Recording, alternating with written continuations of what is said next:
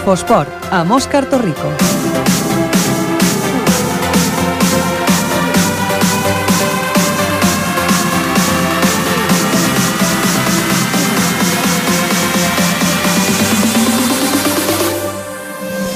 Molt bona tarda, això és l'Infoesport, el programa dels esports a Ripollet Ràdio. Un dilluns més, de 7 a 8 de la tarda, us acompanyarem per repassar el que ha donat de si l'actualitat esportiva d'aquest cap de setmana i explicar-vos doncs, què han fet els nostres equips i els nostres esportistes d'aquí de Ripollet.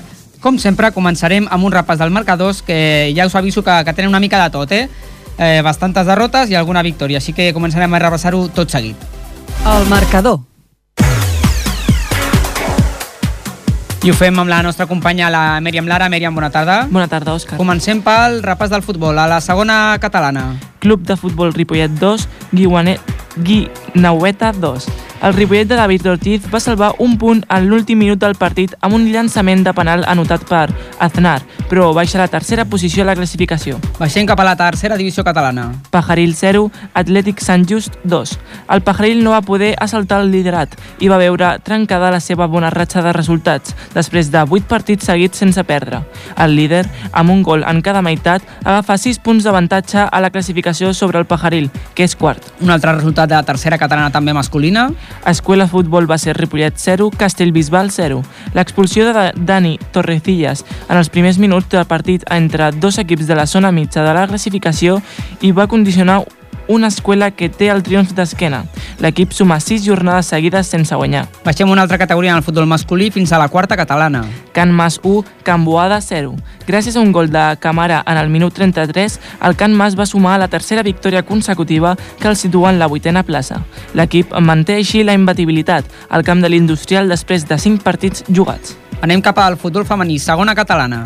Escuela Futbol va ser femení 0, Sabadell B 4. Tres gols en contra a la primera meitat van posar a coll amunt el partit per a l'escola, que només ha sumat un triomf en set jornades.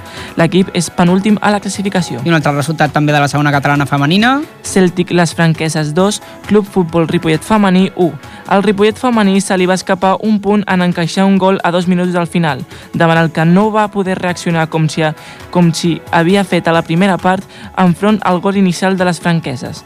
L'equip és avant penúltim amb 3 punts sumats amb, en 6 partits. Deixem el futbol, anem cap al futbol sala, segona divisió B nacional.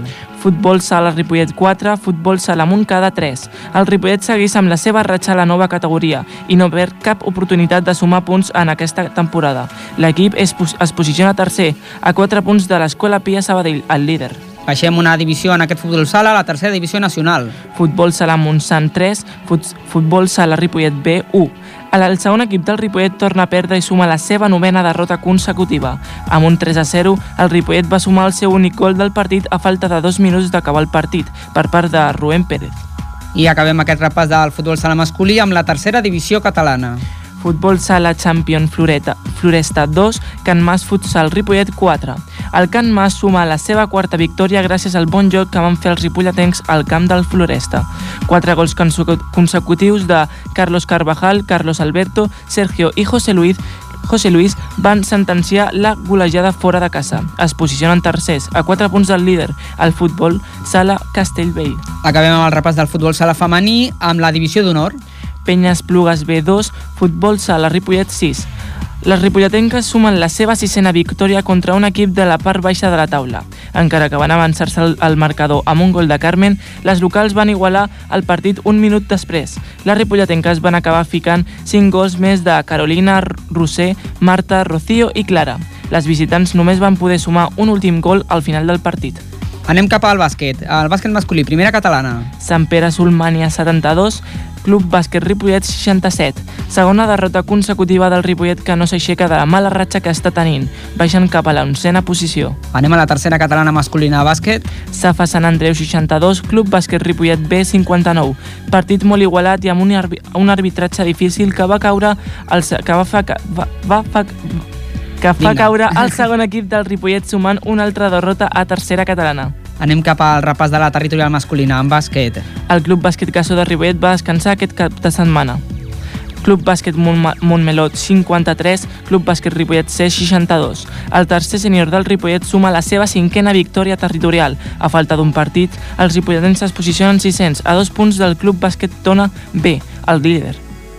I ara fem el repàs del bàsquet femení per acabar amb el bàsquet a la tercera catalana. Club Bàsquet Ripollet 48, Lima Horta 3A 45. Les ripolletenques van estar molt igualades al marcador durant tot el partit, encara que es van avançar el, el, del, el partit en diversos moments. Sense un, bo, un molt bon joc, les blaves van acabar guanyant amb una diferència de 3 punts. Es mantenen en l'onzè esglau. Un altre resultat d'aquesta tercera catalana femenina. Club Esportiu Laieta 60, Club Bàsquet Femení Gassó 55. Partit igualat de les verdes que finalitzen sumant una derrota contra un equip de la part baixa de la classificació. Amb 3 victòries i 5 derrotes es posicionen setenes. Passem ara al tenis taula, tenis, tenis taula masculí i primera nacional. Club Tenis Taula Ripollet 4, Termoteu Calella 3. Miquel Arnau, Julio Andrade i Martí Berenguer no deixen perdre el títol d'invicta de la temporada i sumen la seva sisena victòria consecutiva. Anem cap al tenis taula femení, a la divisió d'honor femenina, la categoria de plata estatal. Autoescola Tachepol Ripollet 3, Uroso Celme 4. Sumen 4 punts en 5 jornades i es posicionen vuitenes a la classificació. Un partit molt igualat que van perdre en el darrer punt disputat a dobles. Anem acabat a, a, acabant amb aquest repàs del marcadors. Eh, seguim amb el tennis a la Lliga Catalana de Tenis, més 18. Club Tenis Castellbisbal 0, Club Tenis Ripollet 5. Els ripolletens mantenen la imbatibilitat després de 5 partits i sorprenen en la màxima categoria. I a la segona divisió d'aquesta Lliga Catalana? Club Tenis Ripollet B3, Club Tenis Sant Adrià Ah, que, falta un número, ens hem quedat aquí. Club Tenis Ripollet B3, Club Tenis Sant Adrià 2. El segon equip ripolletenc es van portar un duel molt igualat i manté el bon inici de la temporada. Vinga, i ara sí, acabem amb l'últim resultat, a veure si aquest en surt. A la tercera preferent d'handbol, handbol masculí. Joventut handbol Mataró C 33, handbol Ripollet 27. Els homes de Santillop no van poder assaltar el fortí de Mataró i van sumar la seva la segona derrota consecutiva a domicili, que els allunyà de les posicions capdavanteres de la classificació. L'equip és ara sisè. Doncs moltes gràcies, Mèriam, per aquest repàs dels marcadors. Fins després. Continuem. L'equip de la setmana. Doncs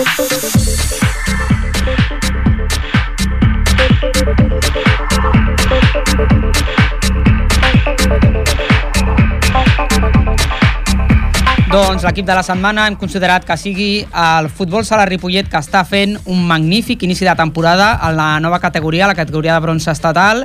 Ha començat la temporada com una bala. Ens ho explica el nostre company, el Marc Mata. Marc, bona tarda. Bona tarda, Òscar. Doncs sí, efectivament, com has dit, sisena victòria del Ripollet Futbol Sala d'aquesta temporada, quatre els ha, perdut a, els ha guanyat a casa i dos a fora. El Ripollet Futbol Sala va guanyar a casa dissabte a la tarda al Montcada per, 3, per 4 a 3 en la dècima jornada.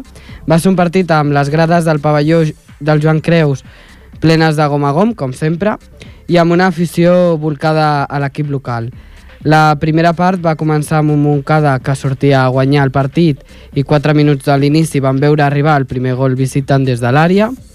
També van veure un Ripollet que lluitava per, per no perdre el partit i en el minut 6 van veure com l'Antoni Ortega, conegut com el Pipa, va, va intentar marcar gol però l'equip visitant li, li treu la pilota. Hem de dir que cap dels dos equips es va donar per vençut. Els àrbitres Alejandro López i Hugo Pérez van xiular un penal a favor del Ripollet al minut 10 que va aturar el porter visitant. El primer gol ripolletenc va arribar el minut 14, marcat per Jesús Díaz, en una molt bona jugada d'equip. Cinc minuts abans d'acabar el primer temps van haver-hi queixes tant a la banqueta com a les grades. També van estar molt aplaudides per l'afició les bones jugades de l'equip local. Només començar la segona part, al minut 7 van veure com els visitants marcaven el segon gol i s'avançaven al marcador. En un partit molt lluitat per al futbol sala Ripollet, amb un domini del partit al, al minut 10, un jugador del Montcada va cometre una falta sobre un jugador escapat que no va tenir a, a criteri dels jugadors locals i de l'afició. Una sanció contundent per part dels, dels àrbitres. Això va derivar a un enfrontament verbal entre els jugadors del, dels dos equips, la bronca de l'afició als àrbitres i com finalment hi va haver canvi d'un jugador del Montcada. El partit va restar aturat vora de 3 minuts i es va resoldre amb el llançament d'una falta directa. Després de tot això, en el minut 11, Manel Campos va marcar el segon gol en uns moments de molts nervis tant al terreny de joc com a les grades. En aquell mateix moment la grada es va posar en peu per aplaudir i celebrar el gol i quan la grada encara no s'havia assegut, Òscar Prieto va marcar el tercer gol ripolletenc. Mm -hmm. Tot i que sembla que els del Montcada no marcarien gol, en el minut 16 els àrbitres van xiular a favor penal a favor del Montcada i van marcar el tercer gol visitant en una altra jugada molt protestada al camp i a la grada, però lo rigorosa de la sanció. Dos segons abans d'acabar el maig, l'Antoni Ortega va marcar d'in extremis el quart gol dels locals, deixant el que va ser el marcador final 4-3 a favor de l'equip ripolletenc. Manel Campos, jugador de la, del Ripollet, va valorar el partit en una entrevista per a aquest programa. Bueno, lo primero, felicidades por esta victoria. Eh, ha sido un partido intenso, sobre todo la segunda parte, ¿no? Sí, sí, la verdad que bueno, muy complicado porque ellos juegan, no tocan mucho, pero son defensivamente muy cerrados, se defienden muy bien y cuesta mucho entrar. Las ocasiones que hemos tenido tampoco las hemos marcado, lo hemos definido bien y cuando te pasa eso y encima defienden bien, pues se complica. Mucha intensidad, ya sabemos que ya son muy fuertes en defensa, eh, no son muy compactos, pero sí que trabajan mucho, van, vuelven, tienen mucho físico y es complicado. Al principio hemos visto que os costaba más a vosotros eh, marcar en el marcador, ¿no? Después habéis conseguido eh, marcar dos goles seguidos, lo que parecía que ibais a ganar el partido. Después eh, el marcador ha sido igualado, pero finalmente habéis marcado el gol. Hemos visto también discusiones entre vosotros, tensión en el campo, tensión en la grada. ¿Vosotros desde el campo cómo lo habéis visto? Bueno, yo creo que eso es normal, la tensión es normal, ¿no? Si lo vives con intensidad y compites, en el fondo pasa eso, discusiones, bueno, discusiones, cosas que salen dentro del partido, lo resuelves y ya está. Que como el, y más el fútbol sala va tan rápido, lo resuelves así en un segundo o, o has perdido. Yo creo que como ha ido el marcador refleja un poco cómo ha, cómo ha sido el partido. Eh, a ratos ellos han estado mejor, a ratos nosotros y eso en el marcador también se ha reflejado un poco. A ratos ellos estaban por delante, luego a ratos nosotros, pero al final el que, el que marca, aunque no domine, es el que va por delante. Os habéis enfrentado al Moncada, un equipo que va en el puesto número 11 con 10 puntos, dos partidos ganados, cuatro empatados y tres perdidos. ¿A vosotros qué os ha parecido este equipo? A ver, ahora los puntos, bueno, todavía es muy, muy relativo porque llevamos tampoco muchas jornadas, ¿no? Pero eh, sí que hay, hay, muchos equipos con, la, con, una separación de puntos muy, muy pequeña, entonces, aunque vayan onceavos, eh, nosotros nos enfrentamos contra ellos en pretemporada y, no, y nos ganaron aquí en casa de, de, un buen resultado, un resultado abultado. O sea, que sabemos que no nos podíamos relajar y que no iba a ser para nada fácil, ya los conocíamos, muchos son amigos nuestros, o sea que sabemos a qué jugaban. Eh, bueno, al menos los tres puntos nos sirven para todavía estar un poquito más arriba, o por lo menos para luchar por estar ahí arriba, que es lo que era nuestra intención de, a principio de temporada. Y creo que estamos bien. O sea, al principio nos costó un poquito más, pero ahora ya parece que por lo menos cuatro victorias consecutivas está bien. ¿Os ha ayudado la, la grada a poder ganar? Sí, siempre ayuda. Aquí la verdad que es una gozada porque el pabellón siempre se llena muchísimo y jugar así la verdad que, que es muy bonito, la verdad. La semana que viene os enfrentáis contra el Martorell, un equipo que lleva dos, dos partidos ganados, dos, per dos perdidos y dos empatados y con solo ocho puntos. ¿Cómo afrontáis ese partido? Igual, siempre con la máxima motivación porque sabemos que todos los equipos son muy parejos y con intensidad y alguna individualidad te pueden, te pueden ganar. Y vas allí relajado, no puedes ir a ningún lado. Empataron contra Moncada ahí en, en, casa de Moncada, o sea que es que no tampoco te puedes relajar y esto nos ha costado muchísimo aquí, o sea que segunda vez ya no es como el año pasado, ¿no? que quizás sí que los, los, los resultados eran más abultados, sino que aquí hay que pelearlos todos y son todos igual de complicados.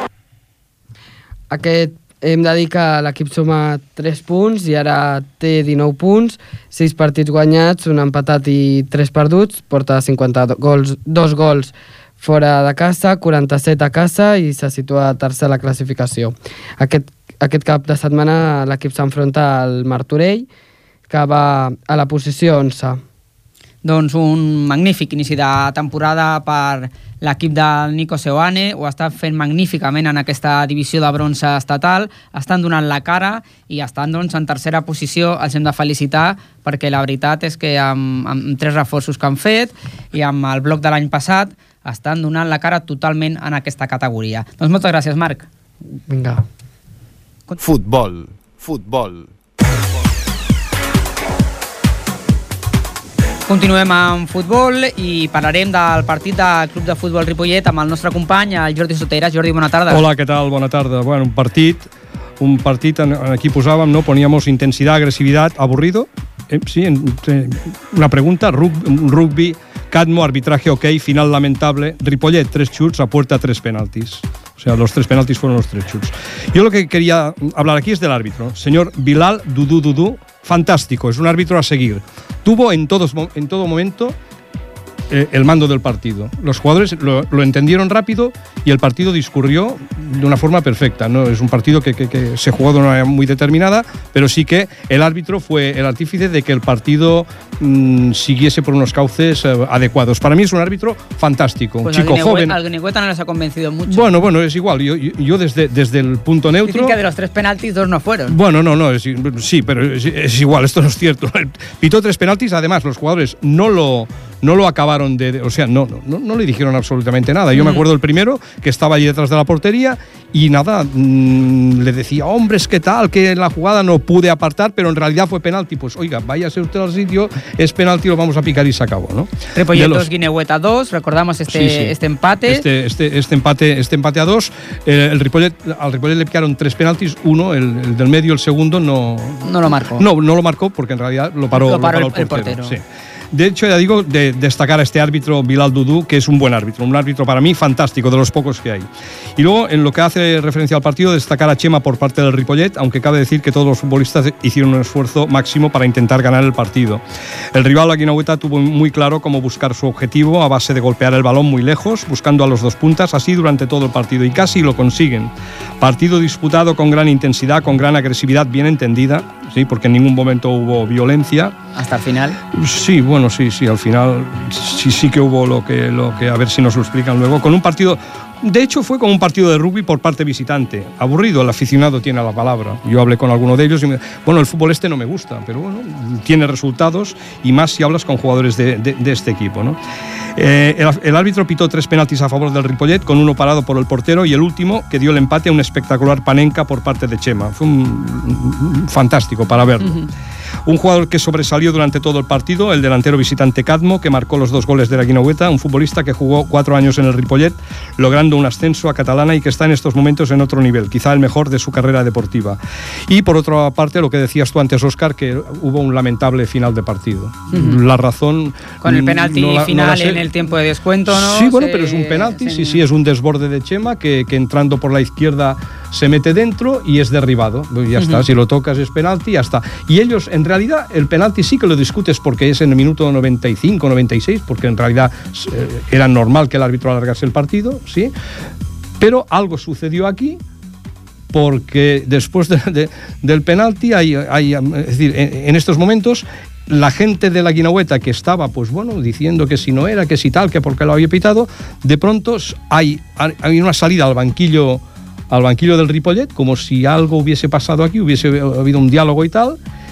Se tira el penalti, es gol. Luego hay una jugada por parte de la Guinaueta en un contraataque del jugador Cadmo, que es derribado, yo para mí, de tarjeta roja, ¿sí? Cuando ya encaraba, cuando se iba ya del último defensor y encaraba portería, ¿sí?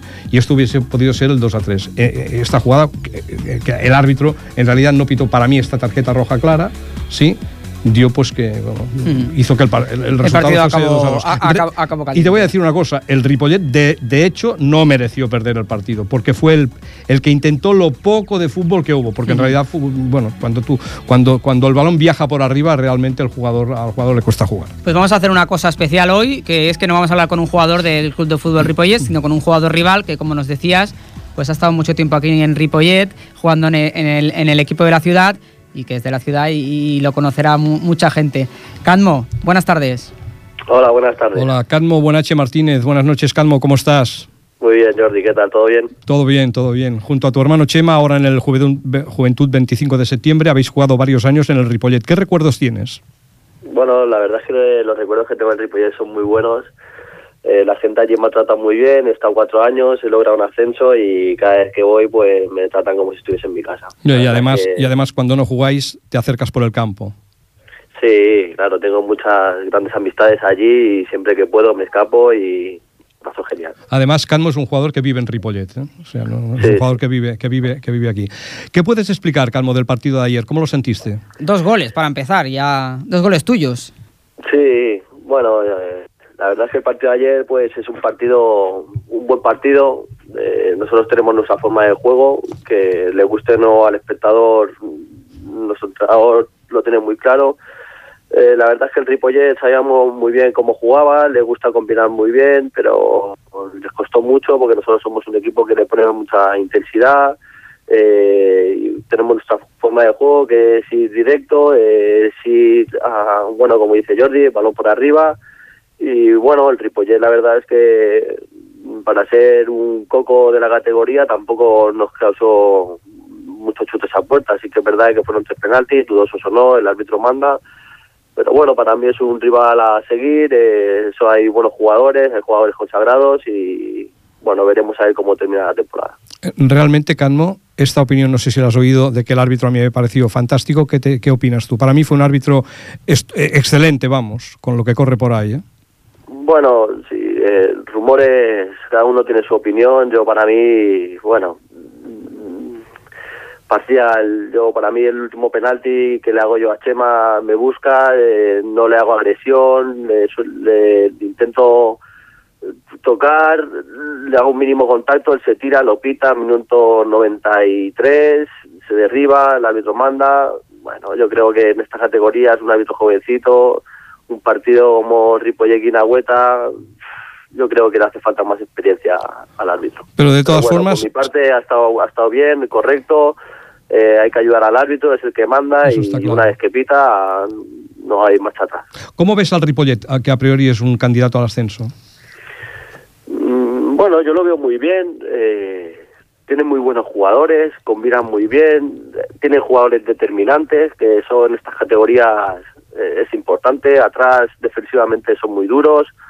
Tienen dos muy buenos centrales, consagrados. Eh, la banda izquierda, Chema hace mucho peligro. Eh, Gonzalo en el medio campo los hace muy bien. Y bueno, ahora han fichado a Margallar, que es un delantero bastante bueno y seguro que le dará muchos puntos. Al final del partido hubo unos acontecimientos, Cadmo, bastante desagradables. Yo estaba en la otra punta, no lo pude ver. Sí que, ¿Qué sucedió en realidad desde el punto de vista menos partidista posible? Bueno, son cosas que lamentablemente pasan. Yo sí que es verdad que yo estaba con el corazón dividido. Yo tengo, estoy en la Guinagüeta, en el Ripollet tengo grandes amistades y bueno, son cosas que lamentablemente pasan, que el espectador no quiere ver. Allá hay niños, yo soy entrenador también, llevo un fútbol base, fútbol formativo y la verdad es que eh, llegué a casa enfadado porque estas cosas a mí no me gustan. Vamos a practicar el deporte que se llama fútbol y a veces pasan estas cosas que, que no Sí, pero que al acabar el partido os vais rápidamente hacia el, ban- hacia el banquillo visitante, del local, perdón, y os vais todos corriendo allí. ¿Qué ocurrió para que pasase esto? Porque el Bueno, partido ya- bueno, hay muchas versiones. Yo realmente estaba con el segundo entrenador del Ripollet. Eh, de, de repente veo a uno del Ripollet que va al de la Guinagüeta, al de la Guita al Ripollet. Y lo típico. Hay muchas versiones. eh, No te, mo- no, te moje- no mojes, Canmo, no te mojes. Lo dejamos aquí, lo dejamos aquí. Sí, que tú puedes, mejor, puedes volver al para Ripoll. mí- No, no, me- ol- ol- olvídate. Pregunta, Pero- pregunta acabada. Pero es una pena, Cadmo, que un partido bonito de este tipo, que es un partido pues mm, co- con una rivalidad importante en la categoría, pues que acabe de esta manera. No es una pena que, que- Sí, sí, que la un espectáculo de fútbol acabe así. Pues muchas Sí, gracias, sí. por este análisis y bueno, mucha suerte en el futuro. Muchas gracias a Hasta vosotros. luego. Venga, buenas tardes, hasta luego. Gracias. Jordi. Daré, daré, Òscar. Futbol. Futbol.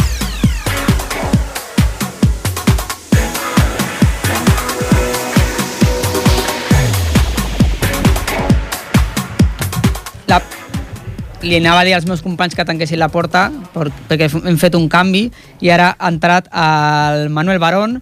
Bona tarda, Manuel. Hola, buenas tardes, Oscar. que nos va a explicar pues un partido con el que teníamos eh, mucha la, la vista puesta en él porque era un partido muy importante en la tercera división catalana de fútbol de la Peña Deportiva Pajaril que cayó contra el líder. Pues así es, Oscar. Eh, este pasado sábado se disputaba ese partido tan esperado por todos ¿no? en el campo del Industrial entre el Pajaril y el San Just, tercero y primero en la clasificación del- de tercera catalana en el grupo 6. El partido tuvo dos caras o podríamos decir que tan solo se jugaron 45 minutos, porque en el primer tiempo eh, fue el partido tal y como nosotros esperábamos, ¿no? Un San que estaba encerrado en su campo y un Pajaril que presionaba constantemente.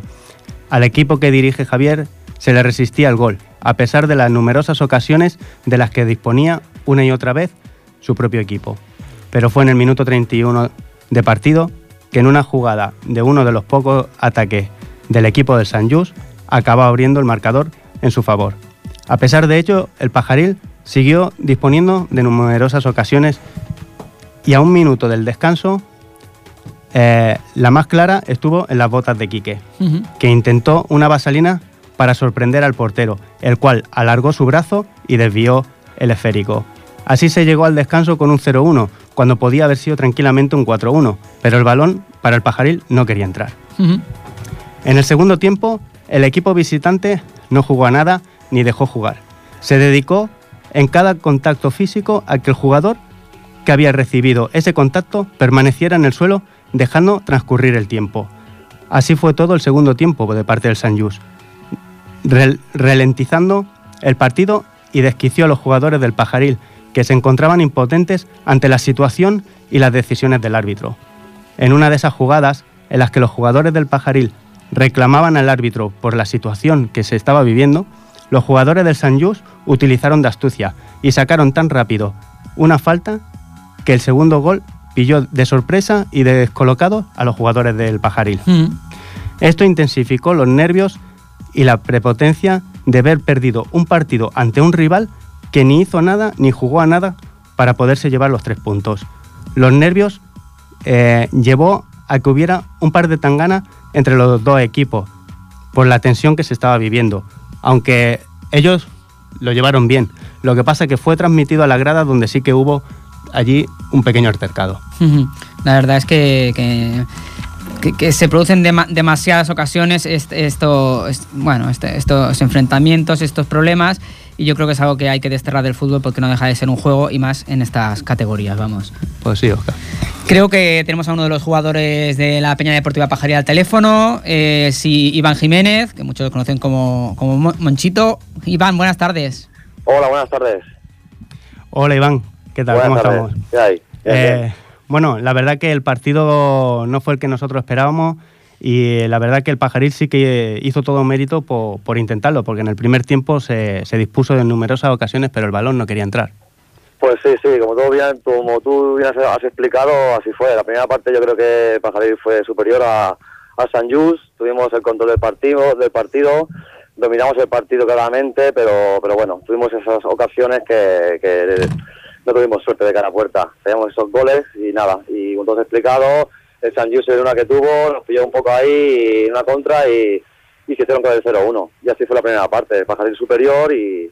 Pero bueno, esto es fútbol, forma parte del fútbol también. Eh, la verdad que en el, el segundo tiempo, eh, tal y como jugó el equipo contrario en cada contacto físico, o sea, eh, ahora, ahora visto en frío, eh, Iván, vosotros, ¿qué, qué veis peor? O sea, en esos 45 minutos que se perdieron en el segundo tiempo, el cómo ellos jugaron es lo que os hizo a vosotros nervioso, estar nervioso en el partido Eh. o, o ver las ocasiones que se habían fallado.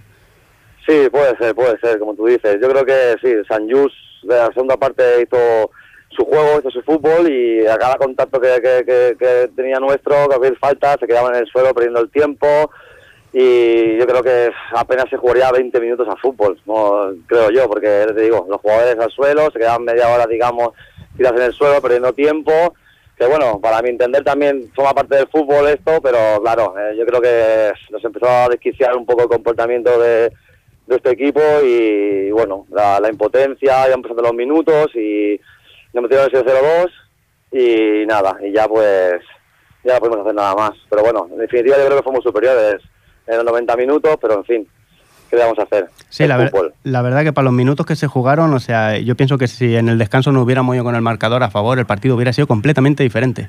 Vamos, pero es muy, muy diferente. Yo creo que las ocasiones que tuvimos, eh, hemos metido un par de esas ocasiones que tuvimos, con un 2 a 1, por ejemplo, vamos, ese sí otro partido, está claro. Pero claro, no fue, no fue así, no fue así. No fue así, no metimos las oportunidades y, y nada, con el 0-1 a la media parte, pues bueno, el míster nos dijo un poco lo que teníamos que hacer, lo que no. Y, bueno, la segunda parte ya, ya viste tú cómo, cómo fue el partido y, y ya fue un querer, pero no poder, ¿sabes? Sí.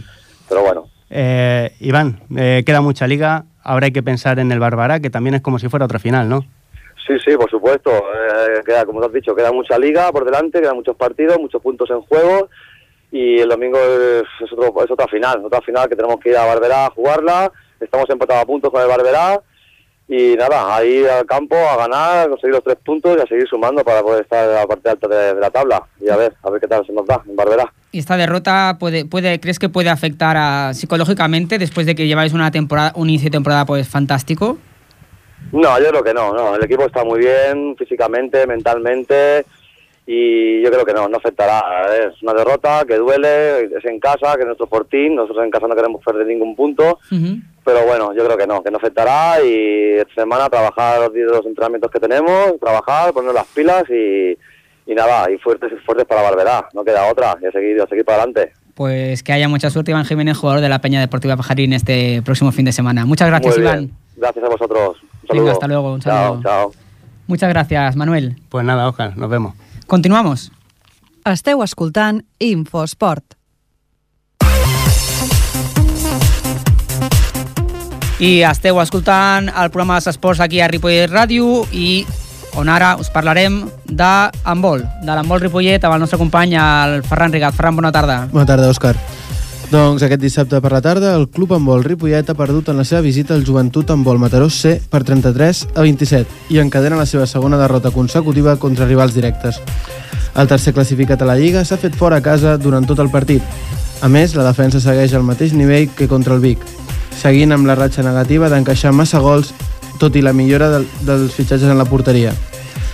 L'encontre ha començat realment igualat amb els ripolletens endollats i alternances constants durant els primers minuts del partit, on cal destacar la facilitat dels dos equips per fer gols gràcies a xuts des de la línia de nou i combinacions amb els pivots. Però no tot ha estat culpa dels porters. El Ripollet debutava porter nou, Josep Juárez, fent un partit molt bo, tot i ser el primer partit que disputava en la categoria.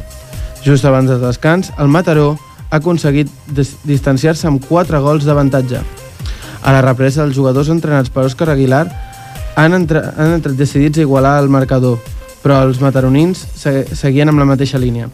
A més, el bon treball dels dos porters impedia veure més gols. A 10 minuts del final del el marcador lluïa dos gols de desavantatge per als ripolletencs, però tres exclusions a les acaballes han fet impossible la remuntada. Així doncs, el Ripollet s'estanca en cinquena posició amb 8 punts distanciat de 6 amb el primer. A més, hauran de batallar la victòria diumenge vinent en el Joan Creus contra el segon classificat, l'Igualada, a les 11 del matí. Però com a locals encara no coneixen la derrota. Uh -huh. És Eh. que l'equip doncs, havia començat molt bé la temporada, tot i que bueno, aquestes dues derrotes doncs, el deixen en aquesta situació complicada. És això, cal dir que han sigut dos, dos rivals directes, dos rivals molt forts. I bueno, per parlar una mica més tenim el Jesús Pons. Buenas tardes, Jesús. Hola, buenas tardes. Buenas tardes. Pues nada, mm, ¿qué cre- que, mm, ¿creéis que os merecíais un mejor resultado? Hombre, mejor resultado no, debido a que la defensa no estuvo como tenía que estar. Mm. Ah, hablemos esto de la defensa. Ah, habéis mejorado en la concentración a los inicios del partido, pero esto parece ser un tema reincidente. Ah, ¿cómo, ¿Cómo lo trabajáis? ¿Qué, qué hacéis para mejorarlo? Hombre, mejorar se mejora día a día los entrenamientos. Siempre es complicado el tema defensivo, que siempre es más fácil atacar y, y defender. Necesitas más tiempo, dedicación y horas. Si no echas horas es complicado mejorar. Ujú. Bueno, encima este, ah, este fin de semana teníais bastantes bajas. Ah, ¿Crees que también ha sido un factor a tener en cuenta? Hombre, bajas importantes sí que hemos tenido. La del lateral izquierdo Sergio Pons y la de Xavi Ayala. Hmm. No es excusa, pero sí que hubieran aportado un poquito más para poder conseguir la victoria seguramente. Y Xavi Ayala, portero, recordémoslo, pero esta semana ha debutado un nuevo portero. eh, que- Suárez. Juárez. Que venía del fútbol sala, ¿se ha adaptado bien? ¿Lo viste Sí, bien? la verdad es que sí, se ha adaptado muy bien, sobre todo lo que es el tema de portería, sacar rápido, no, lo tenía bastante cogido. La verdad es que lo ha hecho muy bien. O sea, es, es el mismo sitio del- del- en la portería, pero los, los dos tipos de juegos No, son muy los, diferentes. los conocimientos del balonmano, pues más o menos sí que los tenía, lo básico. Perfecto. Ah, no sé si Oscar quiere añadir alguna cosita. Yo quería preguntarte, eh, Jesús, en este momento de la temporada, justo después de un buen inicio, teníais a varios rivales ahí de la parte alta, los, habéis hecho dos, estáis como en el Ecuador, os faltan otros dos rivales de ahí de, de esa zona alta, el Igualada y el Garbí. Em, ¿Cómo afectan estas dos derrotas? Ah, afectar, afectan en el debido de la clasificación, pero lo que es en la hora de jugar no afecta en nada. Es partido a partido y, y jugar e intentar ganar siempre. ¿Crees que haber perdido con estos dos rivales directos no, no os va a hacer daño para, para seguir afrontando los partidos? No, a ver, sí que te aleja un poquito de arriba, ¿no? Son cuatro puntos que se notan, pero ellos eh, tienen que jugar entre ellos también. Y nosotros jugando en casa los partidos que ahora vienen son factibles de ganar y se pueden ganar. Y la temporada pues todavía quedan dos tercios de temporada. partidos. Pues muchas gracias Jesús Pons, jugador del Club Handbol Ripollet. Buenas tardes y suerte. Buenas tardes, gracias. Vinga, hasta luego. Moltes gràcies, Ferran. Que vagi bé. Bona tarda. Tenis taula, tenis taula, tenis taula, tenis taula.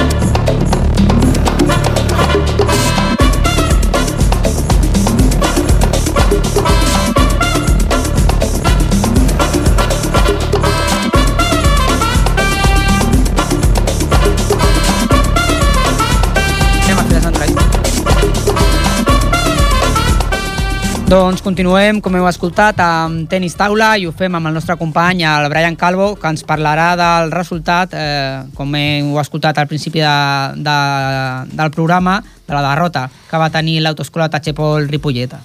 Bona tarda, Brian. Bona tarda, Òscar. Doncs, com tu ben has dit, l'autoescola Tachepol ha, ha perdut aquest cap de setmana per, per la mínima 3 a 4 de, a casa davant l'Oroso Celme. Un partit molt igualat. Van començar l'1 a 0 aconseguit per la Júlia. Després dues derrotes de, de la Berta i de l'Anna. La Júlia va tornar l'empat al marcador. L'Anna va perdre el 2 a 3, la Berta va aconseguir el 3 a 3 i l'últim i definitiu punt es va, es va decidir per, per dobles Uh -huh. i les, les dos López van perdre per 1 a 3. Uh -huh.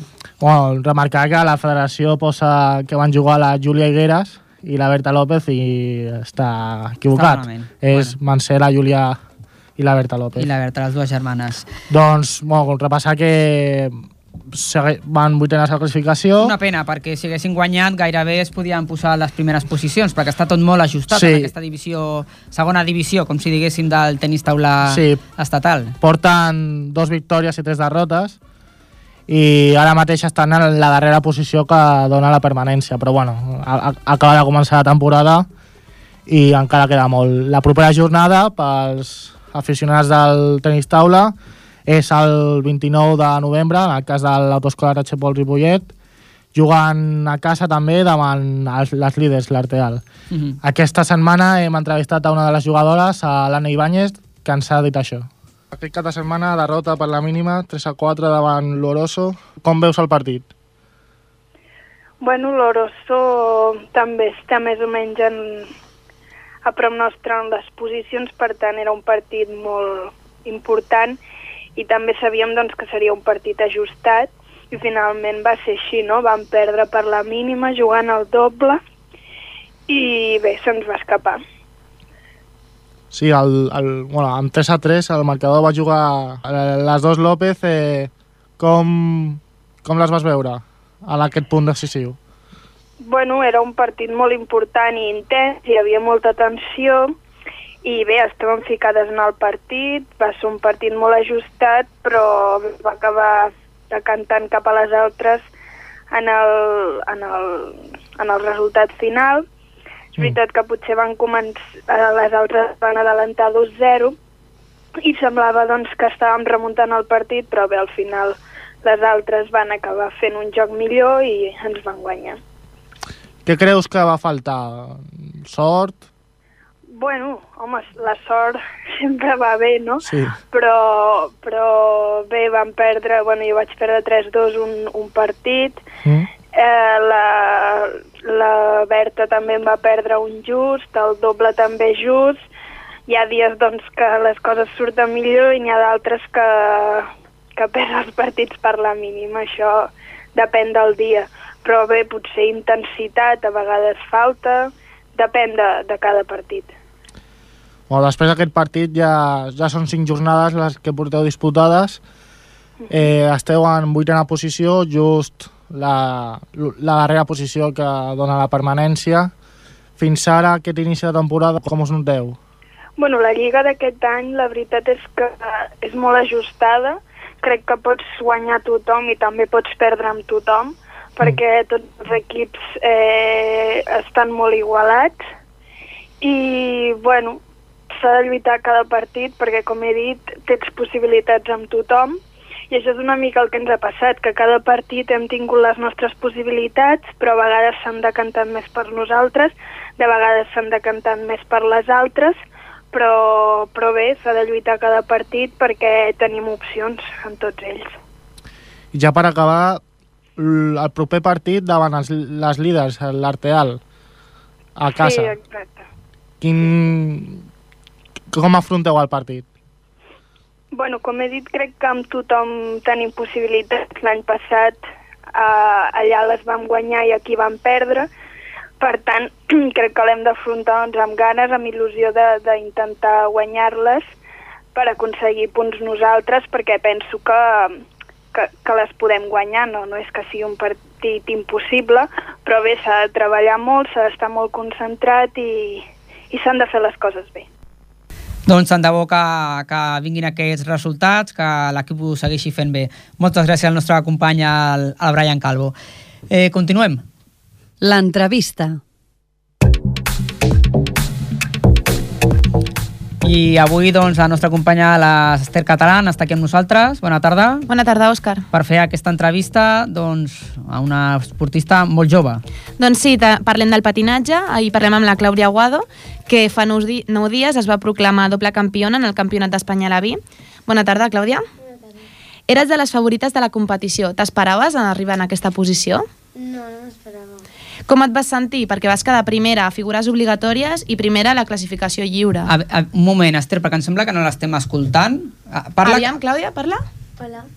és que te la veu molt, molt fluixeta i la tenim molt, molt allunyada del micro i llavors no l'escoltem bé. Vinga, la, la, la, pregunta anterior, que no, no l'ha escoltat els oients. La Clàudia era una de les favorites de la competició. Uh -huh. T'esperaves arribar a estar, bueno, a estar al, al pòdium d'aquesta classificació? No m'esperava. Perquè vas guanyar tant a prim... bueno, vas quedar primera tant a figures obligatòries com a la classificació lliure. A veure, te la propo... Aquí tenim una mica de problemes amb el Amb el micro. micro, a veure si, si ens surt bé. Ara? Sí, ara sí se t'escolta perfectament. Ara Vinga. millor, sí. Ens deies que no t'ho esperaves, tot i que va ser tercera l'any passat, eh, a la competició. Sí. Què és el que més et va costar? Em va, el que em va costar van ser mm, les piruetes i després de la coreografia fer un salt. Bueno, un salt que quasi mai em surt, saps? I quan estàs abans de- d'entrar a la competició, diguéssim, abans de sortir a pista, què, què penses? Perquè, clar, portes tot l'any preparant-te per, a- per a aquesta competició, no? I ho has de demostrar tot en dos minuts o en un minut amb el que duri la coreografia. Què, què penses o què et diu l'entrenadora? Bueno, jo el que penso és que, per exemple, només clavar-ho, saps? Que falli... No tindrà ninguna errada. Uh -huh. Sí, fer un net. I, I està, imagino que divertir-te també una mica, no? I fer-ho bé. Sí. Està a gust, no? Sí. Molt bé. És, bueno, com ha dit l'Òscar, és la primera vegada que quedes tan, tan ben posicionada en una competició tan, tan important? Sí. L'any passat vas quedar tercera, no? Sí. També està molt bé, era de campionat de d'Espanya. Sí. Era de primer any i aquest any ja de segon any doncs ha estat campiona. Home, molt bé, eh? Per ser el segon any primera a figures obligatòries i primera a lliure, molt bé. Eh, has dedicat moltes hores per preparar la coreografia? Sí. Quantes hores més o menys a la setmana? Em, 15, i, 15 i mitja. Però ja entrenes sempre tantes hores o és només per la competició? No, bueno, els entrenos normals és això. Després, quan arriba a la competició, faig Més encara. Una miqueta Una més, no? miqueta Reforces més. una mica les Sí. hores. I només entrenes aquí a Ripollet o fas en un altre lloc? Um, no. Aquí... Però m'has comentat abans que també estaves al CAR, no? Sí, al CAR. I també fas patinatge al CAR. Quantes Sí. Dos. Dos hores, també? Sí. El, el, els eh? CAR no són paraules petites, eh? Al centre del rendiment només tenen a, als joves doncs, que, que ho estan fent bé i que, i que estan lluitant molt i treballant molt i que els hi estan sortint les coses i és un motiu d'orgull segur per la Clàudia estar allà al CAR amb altres atletes. Oi? Sí. I, Clàudia, a vegades es fa dur o pesat tenir tanta pressió? Sí. Com ho portes, això? Um, bé, bueno... Bé, què et diu la teva entrenadora per animar-te?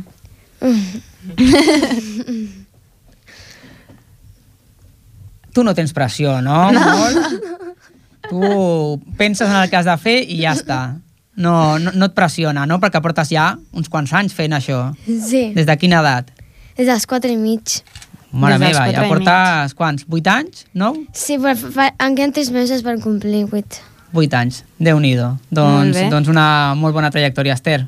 Acabem? Sí, sí, bueno, més que res, ja l'última pregunta era com estàs al CAR i tot això, t'agradaria poder-te dedicar al patinatge professionalment en un futur? Sí, ser entrenadora de, de Molt bé. Ho té molt clar, eh? Sí, el pare sí. està aquí i va sentint en el cap i ens diu que sí que ho té molt clar. Així que... Doncs tant de Clàudia, bo. es, bueno, tant de bo arribis a ser entrenadora, de veritat, que estem segurs que, que, bueno, que segur que seguiràs amb, aquesta, amb aquestes bones classificacions i, i lluitant pel que t'agrada. Dedicació li posa, i això és el més, el més important, tenir ganes. Moltes gràcies, Clàudia, eh? Que vagi tot molt bé, que acabi bé la temporada. Gràcies. Bona tarda. Adéu. Adéu. Bona tarda, Esther. Bona tarda, Òscar. Continuem, ja que acabem.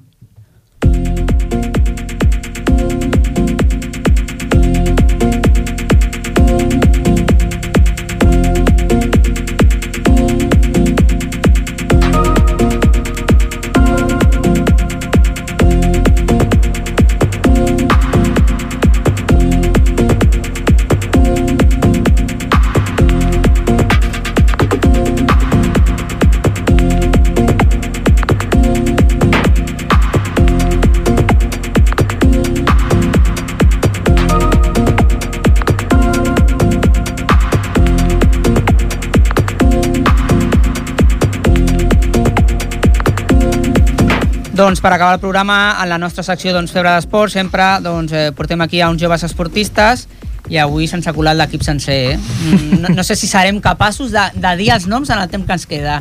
Brian Calvo, bona tarda. Bona tarda, Òscar. Doncs tenim els alevins de l'Escola Futbol Base. L'Alavice. Eh, sí, els presento són l'Iker, l'Oriol, l'Albert, l'Ivan, l'Adrián Álvarez, el Raúl, el Dani, l'Adri, l'Àlvaro, el Carlos, el Marcos, l'Ivan García i també hi és aquí l'Asier, que és el germà de, de l'Iker, que juga al prebenjamí. Déu-n'hi-do. Doncs comencem l'entrevista. La primera pregunta per, per l'Iker. Eh, què te motivó para empezar a jugar a futbol? Perquè m'agrada des de petit i m'agrada molt com jugar un, el jugador que, un jugador que es diu Xavi. ¿Qué, qué, ¿En qué te fijas de Xavi? ¿Qué es lo que más te dona, gusta? que, que dona bons passes i que té espíritu d'equip. Xavier Xavi Hernández, no? Sí. Sí, Del sí. Barça. Vale, vale. Ja, m'ho- Eh, ja m'ho semblava a mi. Vinga, continuem. Al, a Adrián Álvarez, eh, sí, si ha practicat més esports i, i per què s'ha decantat pel futbol? Què? ah, eh, en karate Sí? I, por, I per què te has decantat pel futbol? perquè... No té. No rieu, vinga, Va. que si no, no pot parlar i no la- no l'escolten a casa. Perquè el vaig veure per la tele Sí? i me'ls va agradar. Et va agradar més que el karate? Sí. Molt bé. Bueno, això és escollir, no?, els esports. Eh, L'Oriol, eh, quantes, quantes hores entreneu? Eh, una hora i mitja. I quants dies? Tres. Quins, quins dies?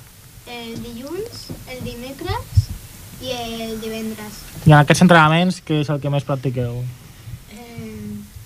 Què feu? fem circuits i amb conus i balles. També de partidets, tal? Sí.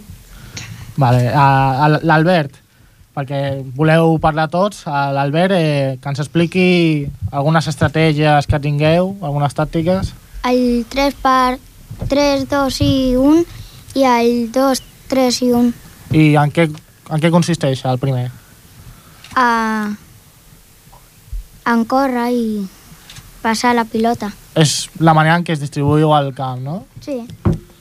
Vale, el... Seguim amb l'Ivan. Jo no sé com te'ls saps, els noms, eh? Vinga. L'Ivan qui és? Ivan, vinga, per allà. A, a, a, Ivan, a què, micro, eh? què, què us diu l'entrenador abans de jugar un partit? Qui, quines indicacions us dona? No sé. Que ju- jugueu a la pilota, que, que us passeu bé... Sí, que toquemos, no sé. Vale. Eh, el- L'Adrián ja ha parlat, el Raúl. Eh, ¿En qué jugador de élite te fijas? Raúl, Mm, ¿cuál es el que más te gusta? Bueno, ninguno. ¿Te gustan más los equipos de la, de la escuela, del, del primer equipo? ¿Hay algún jugador del primer equipo que tú vas a ver los partidos y tal o no? no, No. m'agrada, pues, com jugar a l'Icar. A El Iker, de, el del teu equip, no? Home, Que- pues això està bé, eh? Que un company parli bé de l'altre, això és una bona tasca també que feu a l'equip, als entrenadors que estan per aquí també al darrere, però no ens deixarem parlar perquè no ens hi donarà temps. Més, més, l'Adri. Adri, eh, com aneu a la Lliga? Um, anem um, octavos. Vuitens. Sí, vuit. I qu- quants, sou, quants equips són a la Lliga, ho saps? Um, no. 15. 15 li diuen per aquí. Però no és el més important, no? Com, com aneu, sinó com us ho passeu, no? Sí. Vinga, l'última Eh, pregunta, Brian. El Marcos, eh, a quina, prof quina professió vols dedicar-te al futur? Eh, el futbol o hi ha alguna més? No, futbol. Està. Futbolista? Bueno, bueno, a veure, s'ha de treballar molt, eh? Ja, intentem... L'últim que acabi El- de parlar ets l'Àlvaro. Vinga, Àlvaro. eh, Tu per què vas escollir el futbol? Perquè m'agrada molt jugar, a agafar la pilota, passar-la, xutar. Apropa't, apropa't. I, I també perquè la vaig veure de petit a la televisió, el Messi... I ja. I jugant en equip, què? Com ho porteu, això, Àlvaro? de jugar- Ah, no, que hi ha un altre per aquí. Vinga, el teu nom, vinga. Ivan García. Ivan. Ivan, que, per Com què- ho porteu, això, de jugar en equip? Bé, Sí? Us passeu la pilota? Com, com ho veus, el joc d'equip? eh, bon, Ho ho feu bé, no? Sí. En quina posició jugaves tu? de porter. I t'agrada ser porter o voldries Sí. un altre més? No, sempre he volgut ser porter. Bueno, doncs moltes gràcies. No sé si se'ns ha quedat algú per parlar, però no tenim temps. El convidarem un altre dia, vale? Doncs moltes gràcies a l'Escola Futbol Base per a portar aquest equip de la, de la Vinster. Ens retrobem el proper dilluns a partir de les 7 i de la tarda. Tingueu una bona setmana. Adeu.